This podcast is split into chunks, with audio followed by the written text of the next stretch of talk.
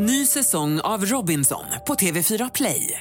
Hetta, storm, hunger. Det har hela tiden varit en kamp. Nu är det blod och tårar. Fan händer just nu. Det. är Detta är inte okej. Robinson 2024, nu fucking kör vi! Streama söndag på TV4 Play. Jag fatt, jag fatt, men jag fattar inte ens hur du menar. Vadå? Göra armhävningar och äta tårta samtidigt.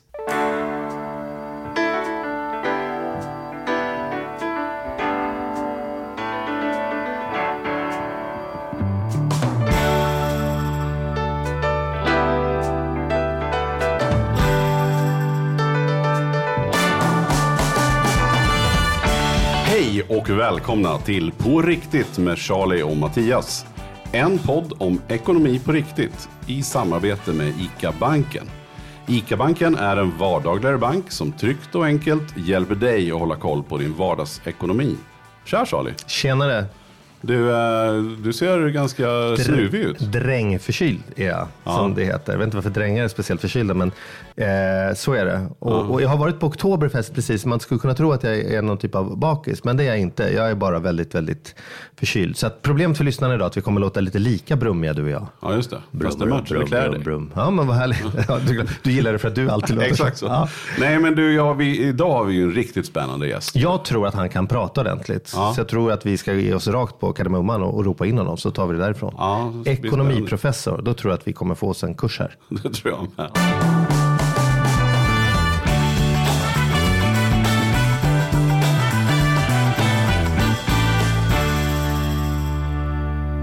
Välkommen in Mikael Dahlén! Ja, stående ovationer. Tack så hjärtligt. Det känns stort att vara i samma rum som ni eftersom jag har haft många Charlie och Mattias, nära Charlie och Mattias upplevelser. Men, men- aldrig varit i samma rum som er på riktigt. Så, här. så det, det känns häftigt. Nu är det Äntligen. på riktigt. Men vadå, vadå, hur kan man ha nära Charlie och Mattias upplevelse? Vad är det Jag har någonting? kommit in i rummet när ni har lämnat det. Nej, men, Till exempel när ni Hur lämnade... märks det? Luktar vi på något sätt? nej men vadå? När ni har lämnat TV3 och Lyxfällan till exempel. Så har jag kommit in i rummet för att Okej. se om jag skulle kunna fylla era väldigt stora skor. Mhm, och fått veta att nej, det kan jag inte. Va? Vadå, så, du, så, helt- så när vi valde att sluta med Lyxfällan så, så, så då sökte man ju nya personer och då var du en av dem som ville det då? eller? Ja, så då blev det ju två personer som man nu ser i rutan. Mm. Och så fanns det ett alternativ i form av en ekonomiprofessor från Handelsskolan som också fick spela in några sådana här provavsnitt. Mhm. Så de kom fram till att nej, det där vill vi absolut inte ha. och vad, nej men, och vad var skälet till det? Nej, men vi kan väl börja med hans upplevelse innan man behöver berätta varför han inte fick jobbet. Hur var det att göra det då? Ja, hur var det? Ja. Det var jättekul och det kanske var det som var grejen. Jag kanske hade lite för kul. Jaha, ja. Eh, De ville gärna, först frågade de mig, skulle du kunna tänka dig att sätta upp håret och eh, ta bort eh, nagellacket på fingrarna? Jaha. Och då kände jag, det är väl inget kul. Det vill jag gärna behålla. Ja. Så det är en liten passning till TV3, faktiskt. Att är inte världen, har vi inte kommit längre än att man kan vara trovärdig och prata om ekonomi även med långt hår och svarta naglar. Just Wink, wink. Så.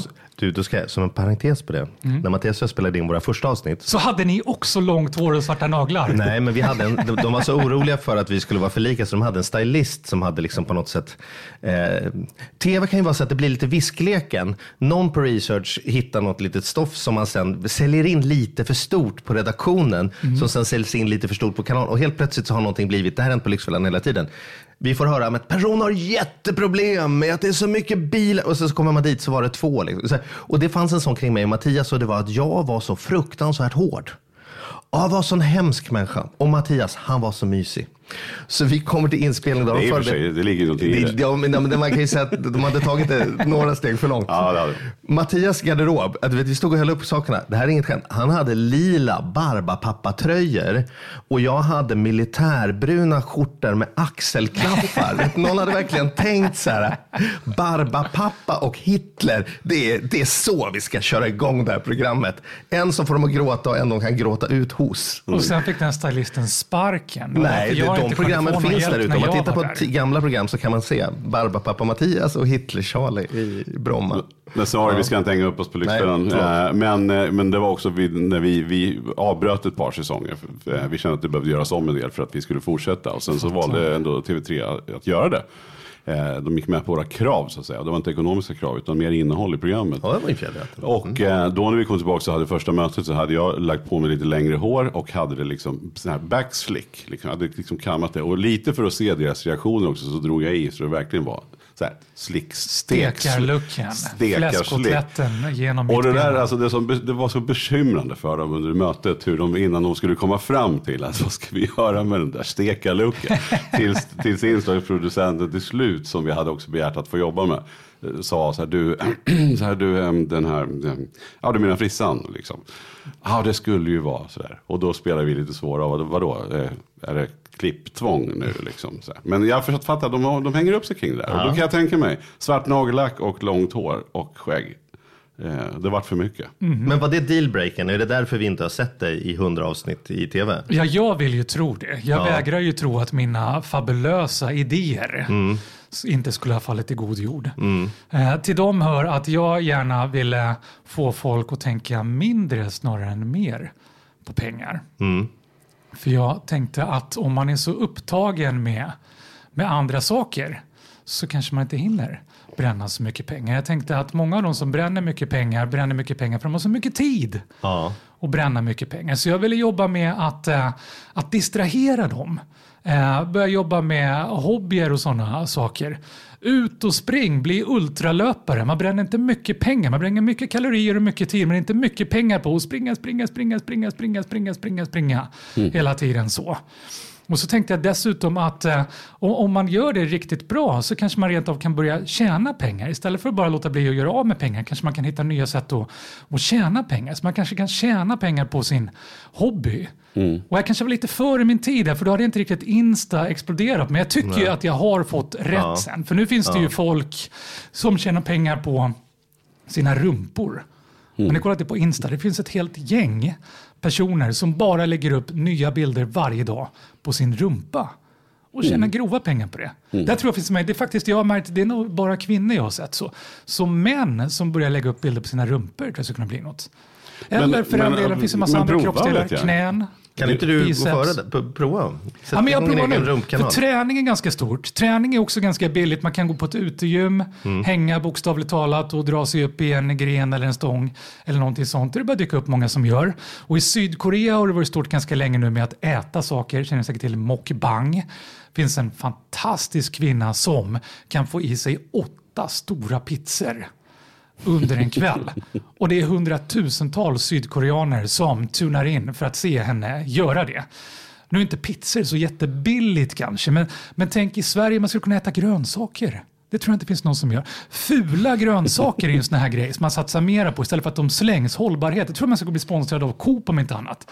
Tänk så här äckelfaktorn. Nu ska jag äta den här grönsaken som ser ut som någon form av könsorgan och så sitter folk och är så här äckelförtjusta. Eller, eller insekter. Mm. Det är någonting vi ska rädda världen med. Det märkte jag faktiskt på när jag la upp ett klipp på Facebook. när jag hade ofrivilligt råkat sätta i mig en liten koloni med tvestjärtar. Ofrivilligt. Alltså. Ja, jag hade förberett kvällen innan hade jag gjort en sån här PVO, en pre-workout. Man, man blandar, det, det är som att ta en hel termos med kaffe i pulverform. Och så tar man det, blandar ut så det blir två deciliter väldigt sur dricka. Just det. Det, det pulvret blandade jag med vatten, ställde på diskbänken kvällen innan. Eh, tog det på morgonen, satte på locket, satte mig eh, i bilen, åkte iväg till gymmet, drack den här och tyckte mycket klumpar i PVO'n idag. Brukar inte vara klumpar, brukar alltid lösa sig bra. Men jag drack upp det här i alla fall. Och så kände jag det är någon klump som fastnat mellan tänderna. Och skulle jag bara peta bort den. Och såg, då var det ju en väldigt trött tvestjärt där som eh, lyckats klänga sig fast vid tänderna.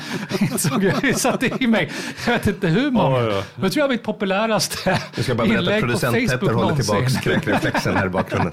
Men, men det funkar det då? Fick du, fick du puls på grejerna? Du kanske fick puls rent mentalt? Ja, att det du var hade dubbel. Ja, alltså det adrenalinpåslaget. Jag har ju dessutom lidit av grav basilskräck. Ja, ja. Så det adrenalinpåslaget när jag insåg att jag har satt i mig alla de här tvestjärtarna.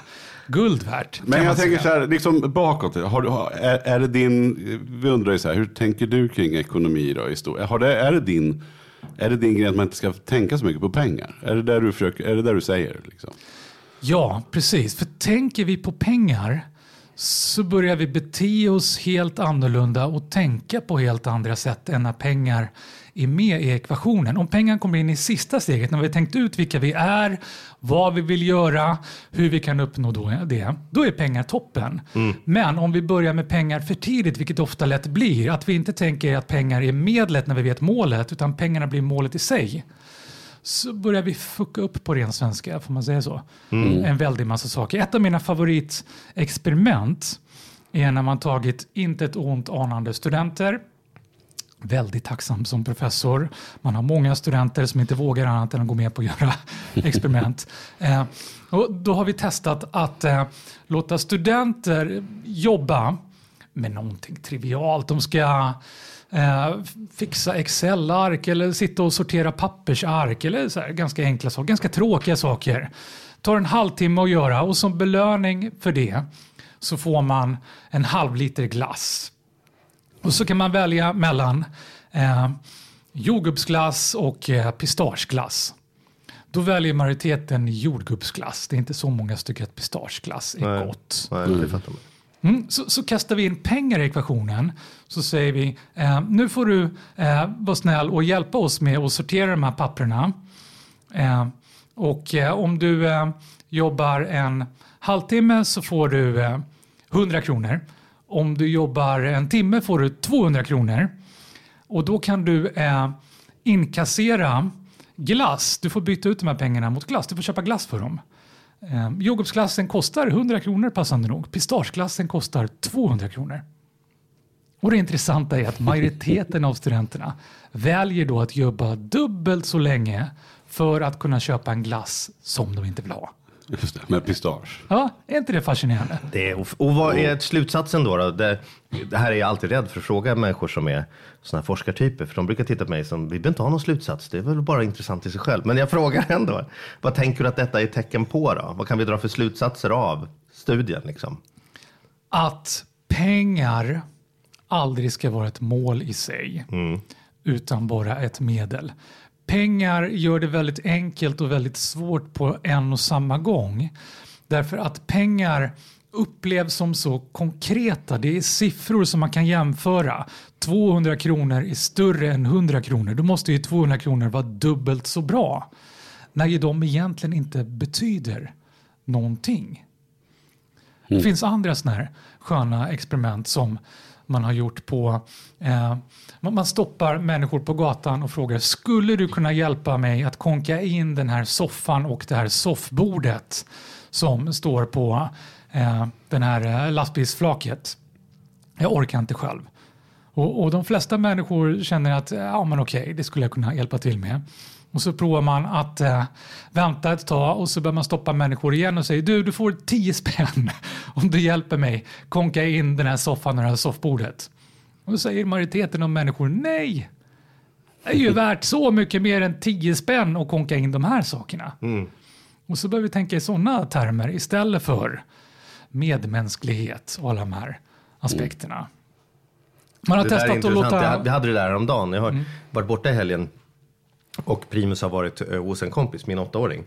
Eh, och då i taxfree-butiken hem så var det så här, ska vi köpa en flaska vin till dem nu som tack för hjälpen och sådär. Och så, man, man, på något sätt kändes det som så här, man vill inte sända signalen att man försöker köpa sig fri med en flaska vin heller. Utan istället för att säga så här, tack för att ni ställde upp, det betyder jättemycket för oss. Eh, den, där, den, där, den där presenten för att de ställde upp kan jag ibland uppleva som så här, så nu var det alltså som att det blir en transaktion istället för att Ja, säga så här, nu, nu, nu, jag vet att jag står i skuld till dig, du kan ringa mig när som helst, ni har verkligen hjälpt oss, är mer värt, tacket är mer värt än, än någon som ska försöka sticka till en pengar eller något för att liksom jämna ut det där på något sätt. Precis Ni tittar ni på mig som jag inte är klok, men Ja, men jag, jag tänker i samma situation. Jag håller med dig. Alltså, det är där, och, och ofta vilken nivå ska man, ska man lägga den där flaskan på? Köper du en flaska Lagaron om de nu finns fortfarande. Ja. Eh, så, hade du, så skulle man nog uppfattas som ganska sniken. Liksom. Ja. Alltså man köper det billigaste vinet de har på Systembolaget. Då är det ju nog bättre att inte köpa någon alls. Samtidigt skulle det också vara konstigt om du kommer med en... en låda Dom Perignon ja, och så, så blir det som så här, vad fan Vad försöker fan, han säga Ja, egentligen, vad är det nu? Och vad, vad tänker du kring det Mikael, när du hör det? Alltså, så här, är det den gyllene medelvägen eller hur ska man, hur ska man förhålla sig då? Jag tänker det som det var för dig när du berättade om de här studenterna. Här, det drivet de har till att ändå vilja tjäna pengar. Det är väl, det är väl bra till en viss nivå, eller? Nej, det är väl inte bra. Det är Det det, är som är hela poängen. Att man drivet borde vara till någonting annat. Alltså så här, det är ju som tv. Du måste ju träffat på massa människor så här. Folk säger till mig, åh gud jag vill vara som dig, jag vill vara med i tv, jag vill vara med i tv. Och jag säger, varför det? Det beror, alltså, har du något speciellt du vill berätta eller uppnå? Alltså, så här, kändisskapet är ju en bil som kan ta dig någonstans. Men om du bara, så här, du får människor att vad ska du på semestern? Åka bil!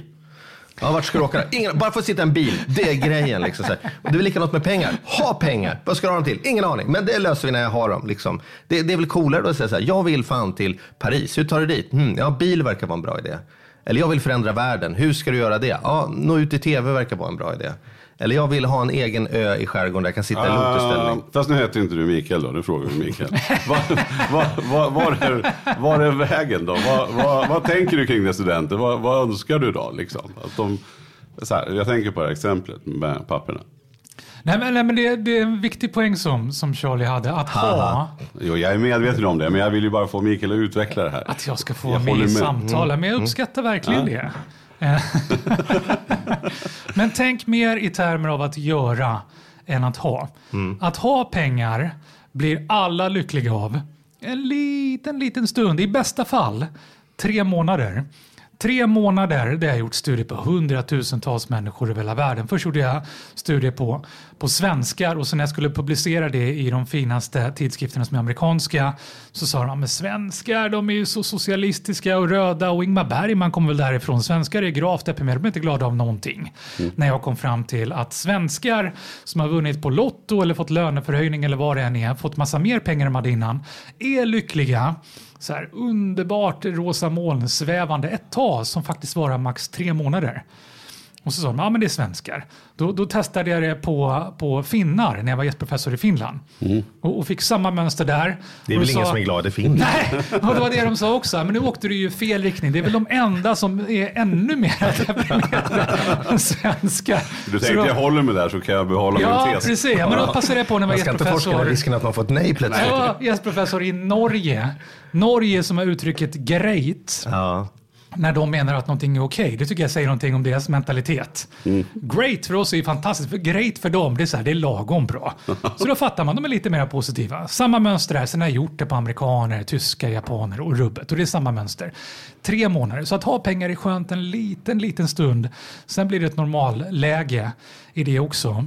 Och då handlar det mer om vad man gör med pengarna, vart man tar sig med bilen och så vidare.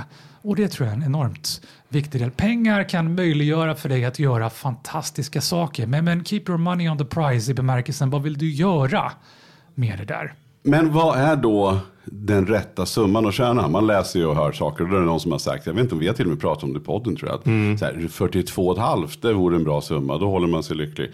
Men du menar att det är relaterat till vad man gör med pengarna, hur mycket man behöver? Det finns ingen siffra eller? Jo, men det finns siffror, men de siffrorna varierar mellan länder helt utifrån köpkraft. Alltså tänk Big Mac Index. Eh, när jag började undervisa då, då var Big Mac Index grejen för att jämföra mellan olika länder. För Big Mac fanns överallt. Och hur mycket kostar det att köpa en Big Mac? För det var en sån här liksom, eh, måttstock på att då mår jag bra, då kan jag göra det jag vill. För alla vill äta Big Mac. Nu har det bytts ut mot iPhone-index. Det är så man jämför köpkraft Jaha. i all världens länder. Kan jag köpa en iPhone? Ja, men då har jag en ganska dräglig tillvaro. Då har jag det jag behöver i handflatan. Så beroende på vad en iPhone kostar i olika länder så kan man då räkna ut hur mycket man behöver tjäna i månaden för att ha råd med det. Då kan man jämföra och säga så här, jag, jag tjänar 3,5 iPhone i månaden och han Ja. i USA tjänar 4,2 iPhones i månaden. Precis. Och så har vi då ena sidan inflation som gör att man borde behöva mera pengar. För det är, liksom, det är dyrare att eh, köpa en eh, Tipp-Topp som är en glass som fanns när jag växte upp. Kostade typ tre spänn när jag växte upp. Kostar nu, nu skäms jag, jag vet 20 inte. Men kanske? inte fasen om den hade funnits. Nej men 20 om den hade funnits. Ja, så då var det det å ena sidan, inflation så det stiger. Å andra sidan har vi att många saker blir billigare därför att det blir en ekonomisk effektivitet i att producera telefoner, i att producera platt-tv. När jag köpte min första platt-tv som då hette widescreen, då, då var det en 32-tummare som var tjock som båda mina lår. Tyckte man så här, det här är en ultimat, den är så jäkla platt och den är så jäkla stor. Nu är ju det liksom en liten tjock-tv. Den kostade då 24 000 kommer jag ihåg. Om jag skulle vilja ha en sån nu, jag skulle ju få betalt. Folk betalar ju för att bli av med en sån där. Och nu kan jag köpa en tv som är tre gånger så stor och en fjärdedel så tjock för halva priset. Så utifrån det där så skulle jag säga att det snarare är så att det blir billigare och billigare att bli lycklig. Jag tror att vi nog kan komma ner under 40 000 i Sverige vid det här laget. Om vi då inte går all in på tipptopp som har blivit dyrare. Men jag tänker, och du sa det här med att, att man i tre månader eh, är lyckligare. Om man vinner pengar till exempel Mm. eller får en riktigt fet löneförhöjning. Så pågår det där i tre månader. Vad, vad har du någon tes kring det? Varför är det tre månader? Är det att man hinner shoppa loss en stund och inse att sen vart det inte roligare? Ja, du hinner shoppa loss en stund och sen är vi så här, vi är av naturen välsignade och förbannade med ett bäst före-datum på lycka. För när vi är lycka så bryr vi oss inte om så mycket och så är vi så upptagna med det vi har.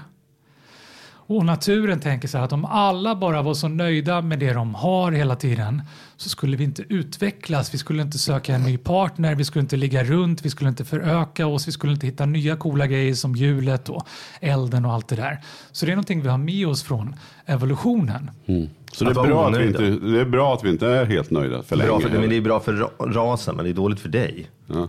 Alltså, Ja, men, Ja, men det var ju jättebra förr i Fan vad tiden. du hugger idag. Jag måste ju bara... Jo, men jag var är ju lite förkyld och Det var skitbra förr i tiden när det inte fanns Tinder och såna grejer. Du var liksom tvungen att, att migrera över steppen, besegra sabeltandade tigrar och mammutar för att hitta en ny partner du kan ligga med. Då var det liksom bra att du tyckte det var mödan värt. Men nu när du liksom kan swipa, du kan sitta på en kafferast och swipa höger och vänster med liksom 300 pers, då är det inte riktigt lika funktionellt längre. Så det är det vi brottas lite med nu. Men, men vad, så vad tycker då en ekonomiprofessor om det här som man kallar för konsumtionssamhället? Liksom, köpa, hets, köphets och, och är det någonting som stör dig eller någonting som du tycker att vi är gubbiga och sitter och klagar på dagens ungdom? Eller liksom, var står du i relation till? Är det liksom, sitter vi på en kälkbacke ner i helvetet eller är det bara liksom en variant på vad jag sysslat med sedan vikingatiden? Alltså det är ju värt att betona att det är en ekonomiprofessor, som ekonomiprofessorn Mikael Helén, som Ja. inte fick ta över Lyxfällan. som heller ännu inte har, det känner jag också är viktigt, jag behöver tala ut lite nu. kör. jag har heller inte fått ta över Plus i SVT Nej.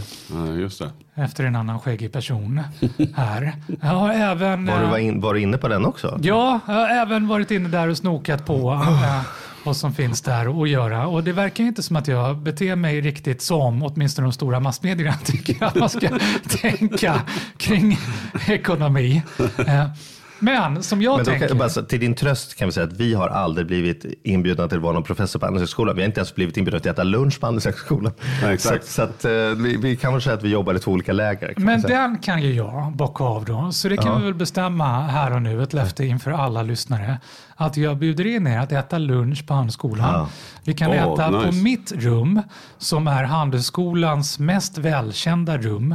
Eh, om ni googlar mitt rum så kommer ni se, det finns hur många bilder som helst, för det ser ut som inget annat rum på Handelsskolan eller någonstans. Blev utsett av Aftonbladet till Sveriges stökigaste kontor. Jag har en känsla av, av, det har jag liksom en känsla av bara, att det skulle vara så. Antingen har jag läst det eller hört det eller sett det någonstans. Men jag, jag kan tänka mig, det är, man brukar väl skoja om de här, de här professorerna, hur de, deras rum ser ut. Att det, men är det så då att, att du hittar det där pappret du behöver som, som det, Det är ett brukar vara? jättebra partytrick. Ja. Det är det. Ja. Och å ena sidan är det hjärnträning, hålla reda på sånt och inte göra det för enkelt. Ungefär som ni väl vet att om man eh, bara tänker på Google så får man lite svårare att komma ihåg saker och ting. Det är så jäkla skönt experiment. Eh, be människor att lära sig en talserie på 14 siffror. Och så får de vänta fem minuter och rabbla upp det.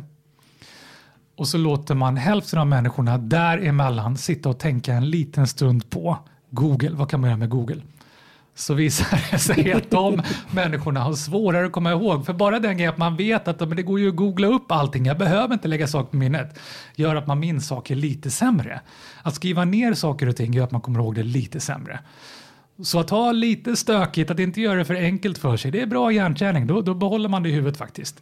Men för min del är det mycket att mitt huvud funkar så. Så det är liksom mera kongruent med hur jag tänker i ett gäng parallella kaotiska processer hela tiden. Men då, då ska jag kasta mig rakt ut här nu och säga så här. När du säger så här, idag har vi en professor på besök. Om jag började tänka efter så här, professor, vad är det för mig? Ja, det är så här, min första professor som jag hade en relation till var professor Baltasar. Alltså i tv. Det, det här, och det är min bild av professor att det är någon sån här gubbe med, med liksom så här, vitt skägg och, och glasögon och långt ner. Som, Och pipa, som, va? Ja, li- ja, precis. Lite pipa och lite så här, eh, någon stickad kar. Vad fan, ja, ni fattar vad jag menar. Så här. Och sen så, då, då tänker jag så här, har jag en dåligt uppdaterad bild av vad som är en professor? Eller är det lite din grej att vara liksom så här, att, eh, jag menar inte att du går omkring och låtsas, men så här, är det, vi- tänk så här, jag är fan en annan sorts professor än de där andra. Jag är hårdrocksprofessorn liksom. Är det något du liksom har försökt att inte informa dig i någon professorsbild eller är bara min Baltasar-bild ouppdaterad? Och alla, när ni har professorsluncher så ser alla ut som dig och tänker som dig och har stökiga kontor. Jag brukar inte vara med på professorsluncher, så jag vet inte riktigt. Men det, det, det jag har sett är, och det är ju mitt skeva urval av de jag har sett. Jag har inte sett alla professorer, inte ens på Handelshögskolan. Det finns Nej. flera än, än man tror och inte i världen. Men, men gemensamma nämnare jag har sett är att professorer gärna har bläser som är en kavaj med udda byxa och eh, skjorta, gärna ljusblå lite eh, så här eh, vågat uppknäppt en knapp eller om det är casual friday två knappar. Oh. Så det skulle jag säga är liksom någon sorts, det är min sinnebild av en professor. Så ser inte jag riktigt ut. För mig är det nog mindre ett behov av att sticka ut, mera ett behov av att vara mig själv och inte försöka passa in. Det gjorde jag i början. Eh, Jag hittade faktiskt en bild på mig eh, häromveckan i laxrosa skjorta. Ja. Det, var, det har jag förträngt och, och ingen annan heller kan minnas att jag någonsin haft. Det är inte riktigt jag, men jag försökte och det, det funkar liksom inte riktigt. Men professor Baltasar eh, är ju fantastisk och har gjort mycket gott och mycket dåligt för, för världen och synen på professorer. Bland annat så, så fuckade det upp min bild av professorer i att det verkade så enkelt allting. För han fick eh, jättekniviga problem att lösa och så som jag minns det så gick han fram och tillbaka, fram och tillbaka, fram och tillbaka. Han fram funderade tillbaka, och funderade fram och tillbaka, och funderade. Fram och tillbaka. Så ping! Så kom han på att han skulle springa och vrida på kranen Ja. till en jättestor maskin. Ja. Och det tyckte jag var så enkelt. Det man behöver göra är att gå fram och tillbaka, fram och tillbaka, fram och tillbaka. Sen finns det någon maskin man bara kan vrida på kranen. Och det är doktoranderna idag som är den maskinen. och så börjar jag så här, efter ett tag börja tänka så här, borde han inte ha kommit på snabbare att det är den här kranen han ska vrida på? För det är det han gör varje gång. Men, men jag tänker så här, om, om man nu är professor som du är, eller nu, eftersom du är professor i företagsekonomi och du har ju ändå, vi pratar om här nu då, här pratar vi ju då konsumtion och, och privatekonomi. Om man Ja, jag dit- svarade aldrig för på frågan om snackar- konsumtion. Nej, men jag tänker så här också med... Du duckade den. Vad hade du Mm. tagit på dig? För du sa ju ett konkret grej som du känner är att man ska se till, att man har för mycket tid, man behöver göra något vettigt med den. En hobby till exempel. Ja. Ehm, mer då? Där, där måste jag ju passa på. Får jag pusha lite här? Mm. Eftersom jag aldrig får ett massmedium som TV3 eller SVT att hänga på så tänkte jag får jag passa på och ge till Om du bara fixar en, en, en, och sen doktorsexamen så fixar vi in dig i Nej, men det räcker med lunch på Handelshögskolan så är vi med. Ja, kör. Att hitta det du du går igång på.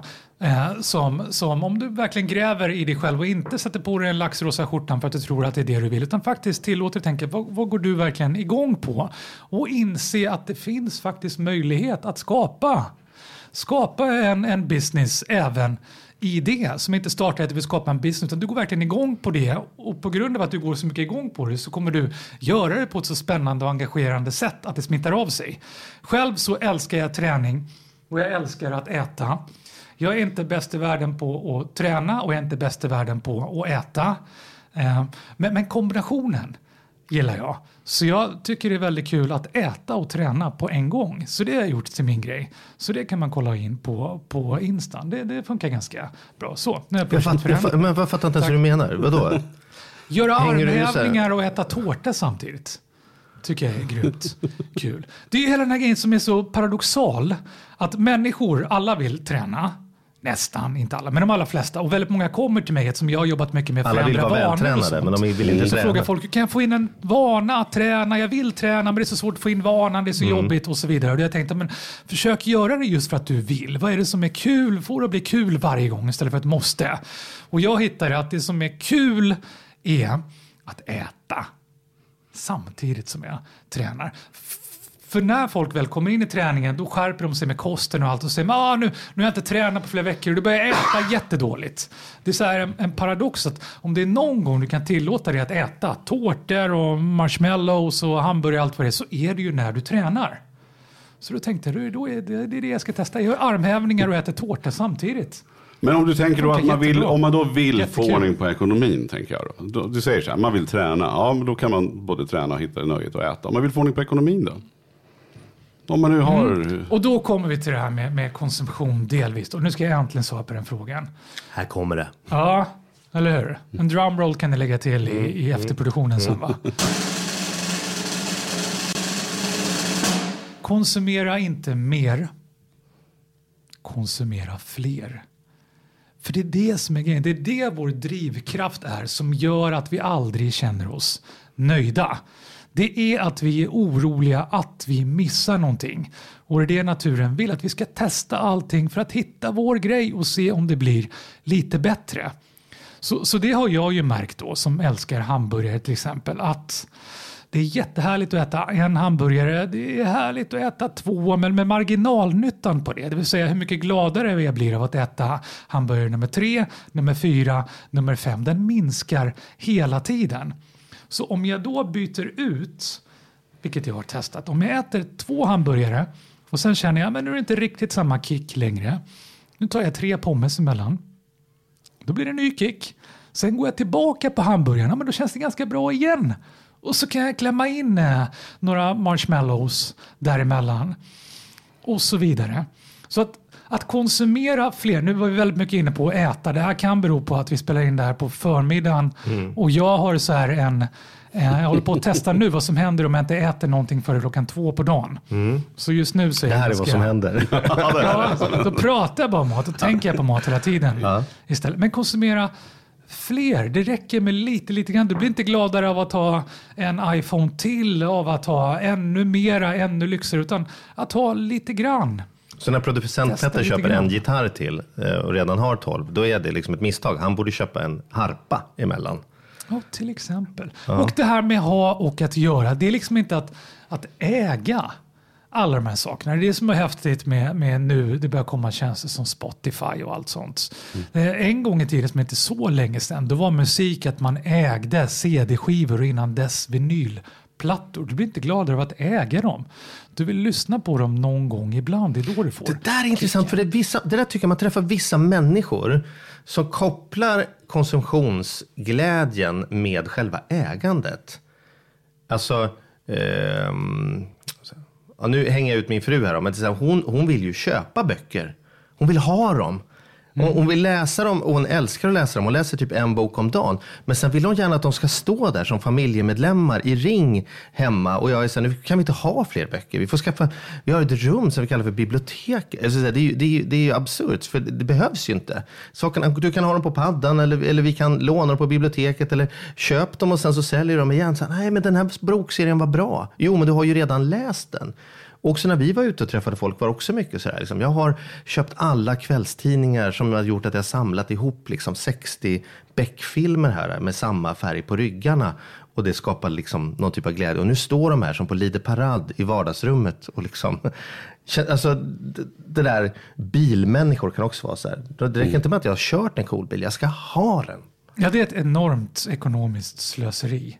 Det är det. Att den resursen utnyttjas till en sån oerhört liten grad och sen bara står där och inte jobbar på något sätt. Den skulle kunna tillföra någonting till någon annan. När du inte läser kan någon annan läsa det. När du inte använder bilen kan någon annan göra det. Eller det kan omvandlas till någonting nytt, vad det nu är. Men det kan ju bli värt något säger de då som sparar och samlar. Alltså den kan ju, det kan ju vara en värde. Tänk om du har Express, alla Expressens bilaga med, med eh, Beck-filmer blir på Nej, sidan men man kan så samlarvärde. inbilla sig det, men gitarrer kan ju öka i värde till exempel. Och det finns ju, har du, till, har du alla original eh, Beck, vad var det du sa, Beck-filmer med rätt inte. omslag. Eh, Eh, men är det någonting vi säljer in för oss själva för att få sitta där och samla tror du? Ja, Det gäller ju inte så jättemånga. Har du flyt kan det vara så. Och där kommer vi lite in som, som eh, Charlie sa, ett värde av att vara kändis.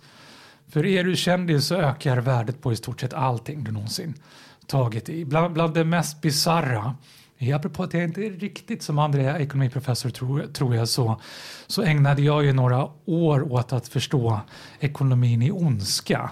Varför mördare blir industrier i sig själva och kunde bland annat se att på, på nätet finns det ju marknader för murderabilia.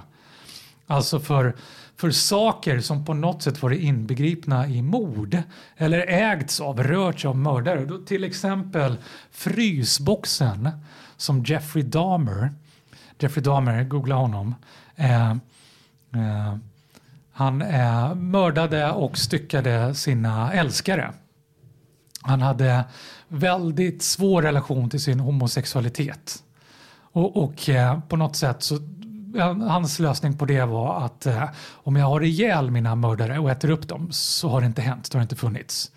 Så, så det är också ett sånt tips. Det är inte bra att ha problem med homosexualitet. Om alla är lite mer öppna och toleranta så kunde vi Komma slippa. ut ur frysen är, är feedback. Ja, precis. Men i alla fall då. Eh, så, så ekonomisk var han i alla fall att han insåg att om man har ihjäl och styckar sin mördare, sin, eh, sin mördare, om man har ihjäl och styckar sin älskare och bara lämnar dem på diskbänken så är det ett väldigt slöseri för då kommer köttet bli skämt ganska snart. Så han eh, prydligt paketerade och stoppade in i frysboxen så han skulle kunna äta senare. Och den frysboxen där han stoppade in kroppsdelar blev en väldigt eh, populär och eftertraktad eh, produkt som folk eh, ville betala dyra pengar för. För det märket frysbox är den modellen eller just exakt den frysboxen där Just det har legat exakt människor? den frysboxen.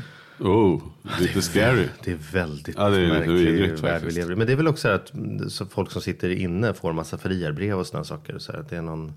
Ja, Eller? precis. Ja. Så det där grävde jag jättemycket i. Men det, det ska vi inte fastna i nu, förstår jag. Men Ja, men, men vad, hela vad, grejen är att här, tänka som på en- det man gör som att det kommer stiga i värde är ju en anledning till att vi gång efter annan får eh, bubblor som kraschar, för ett fastighetsbubblor och så vidare. För att folk tänker att den här fastigheten ska jag inte köpa nu, den här bostaden ska jag inte köpa nu för att jag vill bo här, leva och ha det bra, utan för att den kommer stiga i värde och en gång i tiden, eh, om några år, ska jag sälja den och tjäna pengar på den. Problemet då är att så många människor tänker det att men jag kan ju köpa den här för pengar jag inte har.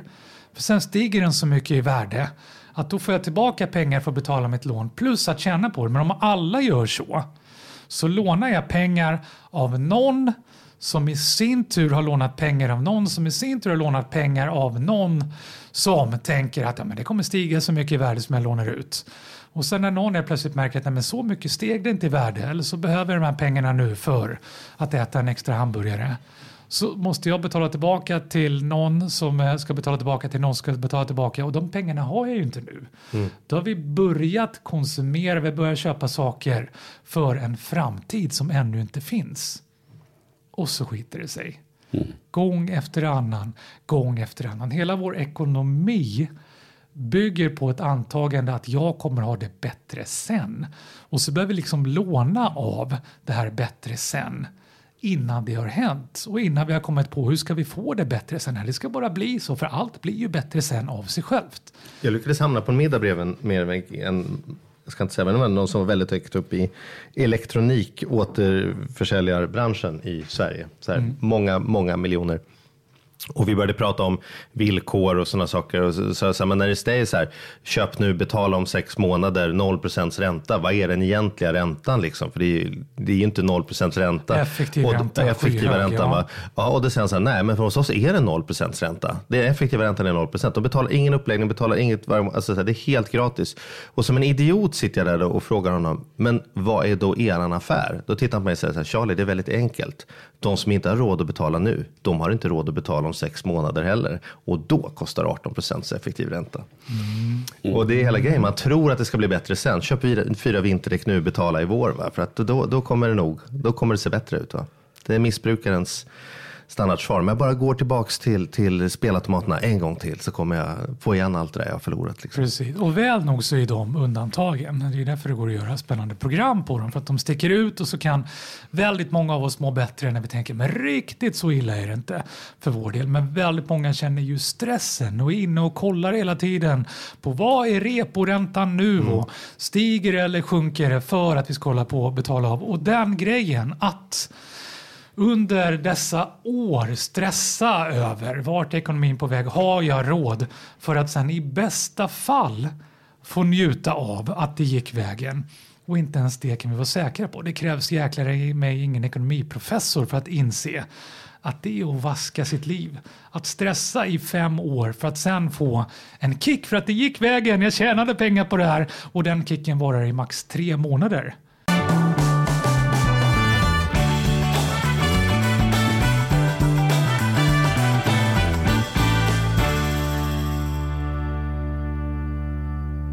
Du som verkligen, du har ju liksom jobbat med reklam jättemycket och forskat och sådana saker. Vad är det vi har för någonting idag som vi om, om några år kommer titta tillbaka och säga så här, shit vad det där var bara någon så här påhittad fejktrend som vi spenderade massa pengar på som trodde skulle göra oss lyckliga som vi nu liksom i backspegeln inser att det liksom var, där brände, brände svenska konsumenter x antal miljarder på någonting som vi trodde skulle göra oss lyckliga men som inte gjorde det. Ja, alltså vad än som är hett nu, då får vi hjälpas åt att komma på vad är det shit nu? Det kan vi vara säkra på. Det För sex månader sedan var det fidget spinners som skulle förändra världen på något sätt. Så så här, barnen skulle ha dem för att de ska ha bättre koncentrationsförmåga i skolan. Och min son satt hemma och kollade på så mycket filmer på YouTube med folk som unboxade fidget spinners. Så det, var, det var liksom grejen. De, och folk pratade samlarvärde. Jag tror inte det kommer vara några fidget spinners mässor om tio år. Liksom. Nej, hur mycket kostar en fidget spinner nu? Kostar i stort sett ingenting. Nej, men precis. Från ett par 300 när, jag, när, när mina barn kom och, och pratade om dem till att nu på tobaksaffären för 29 tror jag såg senast. Eller något. Precis. Slem. Slime. Slime. Slime är ju, är ju grejen mycket nu. Ja. Alltså ganska ändå så här tonåringar som så här skriver så här, min, vad, berätta lite om dig själv. Vad är dina främsta hobbys? Slime dyker upp så här på topplistan. Min, min dotter är en av dem. Ja. Eh, och jag tror att hon håller på och, och det börjar glida ur lite nu. Glider henne ur Det händerna. Slimen börjar glida henne ur händerna. Nej, men, men alltså att man gör... Hoverboards också, kommer ni ihåg dem? Hoverboards var ju inne ett tag ja. Men, Ja. men, det, men, men slime var ju, det tycker jag ändå så här, det är ganska, jag vet alltså, men är inte det bara en trend? Det är ju ingenting som kostar särskilt mycket pengar i och för sig. Man ska ha, man ska ha raklödder, linsvätska och lim. Och så blandar man det och sen så blir det en skön grej man sitter och, och klämmer på. Tesla-bilar. Tesla-bilar. Jag tror att det är så. Nu när alla, för det är, alla människor säger det. Åh, nästa bil ska vara en Tesla. Alla. Kommer vi om några år känna så här, shit, vi gick på den hypen.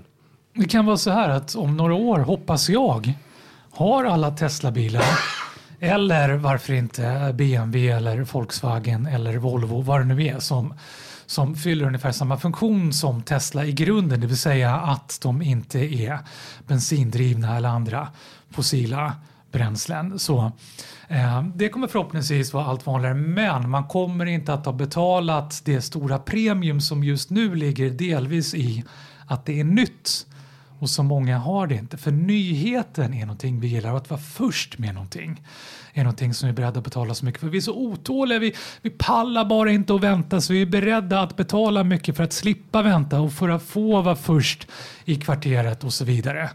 Och så fort några andra i kvarteret har fått det så är det inte lika mycket värt att ha det i den aspekten. Så kan du köpa samma sak betydligt billigare och så kickar ju dessutom den rent eh, processekonomiska aspekten in i att saker och ting blir billigare när de produceras och säljs i större skala och det görs ekonomiska eh, tekniska framsteg som gör att man kan komma på ännu effektivare tekniker och så vidare. Så att man kan få precis samma grej som är ännu lite bättre, ungefär som den där widescreen-tvn som faktiskt är väldigt vid och smal till skillnad från den här jäkla lilla tjockklumpen som jag köpte för en massa år sedan. Men så ditt tips är egentligen krasst, vänta, ha inte så bråttom med grejer, eller? Tänk tantriskt sex. Tänk Sting. Polarprismottagaren. Som folk undrar, hur kunde, hur kunde Sting få Polarpriset? Det är som att stå i en hiss som aldrig kommer fram på översta våningen och lyssna på hans musik. Och alla som gillar Sting säger att det, det krävs tid att faktiskt komma in i Stings värld och musik. Och så är det. Och samma grej med, han har ju pratat väldigt mycket om tantriskt sex. Min fru och jag, vi har inga såna här tvättstugesessioner utan vi håller på i 12-14 timmar för utlösningen, orgasmen, den varar i några sekunder i Till bästa fall. Stings försvar tror jag att han sa detta en gång i någon intervju och sen har media återupprepat Ja. detta i, tio år. Jag tror inte han går omkring och föreläser om detta. Ja, men jag tycker det, det är liksom bara ett enkelt sätt att komma ihåg det där. Tänk Sting, tänk en evighetslång hiss där man till slut tycker musiken är jättehärlig. Tänk sex, det, det, det bästa är vägen fram till orgasmen. Och dra ut på det. Så, så bestäm dig för, jag ska jäklar mig ha den där Teslan och det kommer rocka så tjockt och det kommer det göra. Och så njut av det på Det, vägen det är lite grann som när jag har en AV med, med vår producent Petter. Vi försöker alltid landa på två öl, för det är då man har det som bäst brukar vi konstatera. Hur brukar det gå då? Jo men vi brukar stanna där. Ja, okej, ja, bra. vi kan ha gått in på tre ibland, men då kände vi att det vart inte bättre. Nej, nej. Men det är svårt att fånga den stunden. Ja, men planera och njut. Det är det är ju som studier också har gjort som visar att människor är lyckligare innan de gift sig än efter de gift sig. Och det här beror ju inte på att folk i gemen blir så miserabla efter de gift sig. Utan det beror på att folk är ovanligt lyckliga halvåret innan de gifter sig. När de planerar, tänker, drömmer om hur härligt och underbart det ska bli när de gifter sig. Och Men- verkligen unna sig och frossa i det. Njut av vägen dit också. Men då tänker jag så här, du är ju en, men en mycket klok person och du är dessutom eh, dokumenterad smart och du är professor och allt det här. Och du har ju varit på gång då att, att ta över diverse tv-program och sådär. Om vi ska, alltså med allt det du, du sitter på. Om vi ska, nej, men, I, tran, I tantriskt tempo Ja, jobbar sig mot en tv. Ja, jag tycker det är jävligt fascinerande du berättar. Jag sitter och tänker så här, jag liksom, det börjar så här maler lite sakta i mitt huvud under tiden vi pratar här. Men då tänker jag, om vi ska ge oss på en, en sammanfattning, summering. För om vi nu ska återgå till, ändå till, till ekonomin då. Och, och det vi pratar om handlar ju ändå om, om vardagsekonomi. Hur, hur ska man bete sig? Om du ska sammanfatta det här, hur, hur får man ordning på ekonomin och, och är lycklig samtidigt? Du får ordning på ekonomin. Dels i att hitta saker du verkligen vill göra som inte kostar så mycket. Skaffa dig en riktigt skön hobby. Som att springa, som att träna. Äh, springa och äta finns det ingen som har gjort samtidigt. Som att eh, fotografera ditt knä. Som det visar sig att du faktiskt till och med kanske kan eh, dra in pengar på. Inse att mer gör dig inte lycklig utan tänk fler. Att, att testa lite grann. Köp inte mer, större, fräsigare utan lite grann en liten stund. Du behöver kanske inte äga det utan låna det, dela det, smaka en liten bit av det där. Eh, det är två väldigt viktiga delar i det hela. Eh, ytterligare i det där eh, Ja, men inse just att ditt knä, eh, din matfrossa, vad det än är, det, det går faktiskt att hitta saker du kan tjäna pengar på. Jag tror att många gör av med så mycket pengar på att de inte tillfredsställs tillräckligt av det de jobbar med. Så hitta ett jobb som inte bara ger dig pengar utan som är tillräckligt berikande i sig så du inte måste bränna alla pengar sen på att göra det du inte vill. Eh, njut av saker även innan de hänt. Så, så varar den lyckan längre och så måste du inte springa och skaffa något nytt lika snabbt. Resor är en typisk sån sak också. Börja planera resan i god tid. Njut av det. Det var en sån grej som jag också ville få in i Lyxfällan. Att alla de här människorna jag skulle ta mig an skulle tänka ut den häftigaste resa de kan planera. Och så börjar vi sikta på den och så har vi en jättestor eh, världskarta på väggen där vi varje dag ser hur man kommer lite, lite närmare det här resmålet. Och så följer vi upp med att det var mycket det som min grej. Så, så följer vi upp med att vi filmar dem på plats och jag får följa med till alla de här varma sköna ställena. Vi ser, titta! Om du bara njöt lite på vägen dit, tänkte lite smartare så hade du råd att åka precis vart som helst. Mikael, jag kan avslöja att just den programidén har vi blivit pitchade för tror jag, tre gånger att vi skulle leda eh, dröm, eh, jakten på drömmen-programmet. Så du tror att du bara, det finns, det väntar på dig där ute och de kommer lyssna nu så kommer de ringa dig. för Ja, att men det, är så här, men det där är en skön idé med den här Ja. jäkeln med, med målade naglar och långt hår som vägrar att sluta. Nej, nej, vi inte nej, ha. Så nej, vi kollar med de där Charlie och Mattias. Nej, då kommer vi peka på dig. Då kommer vi vända tillbaka. jag vänder Det lovar vi. Det är du värd. Ja. Så är det. Nej, men Sen det... måste jag ju fråga er då, vad, vad är er nästa grej? Så att jag är förberedd, för risken är ju att när ni har gjort nästa grej och är färdiga så kommer de fråga mig, är du intresserad? Och så får jag testa och så skiter det sig ifall jag inte är väl förberedd igen då. Ja, men då gör vi så här tycker jag. Att vi vinkar av eh, våra lyssnare, eh, bokar in den där lunchen på ditt kontor och sen så kan vi börja viska hemligheter vad vi ska göra. Här. Ja, men det är toppen. Ja, ja, bra. Tack så jättemycket för att du kom. Tack så mycket. Tack Ses på Handels. Ja, det gör vi.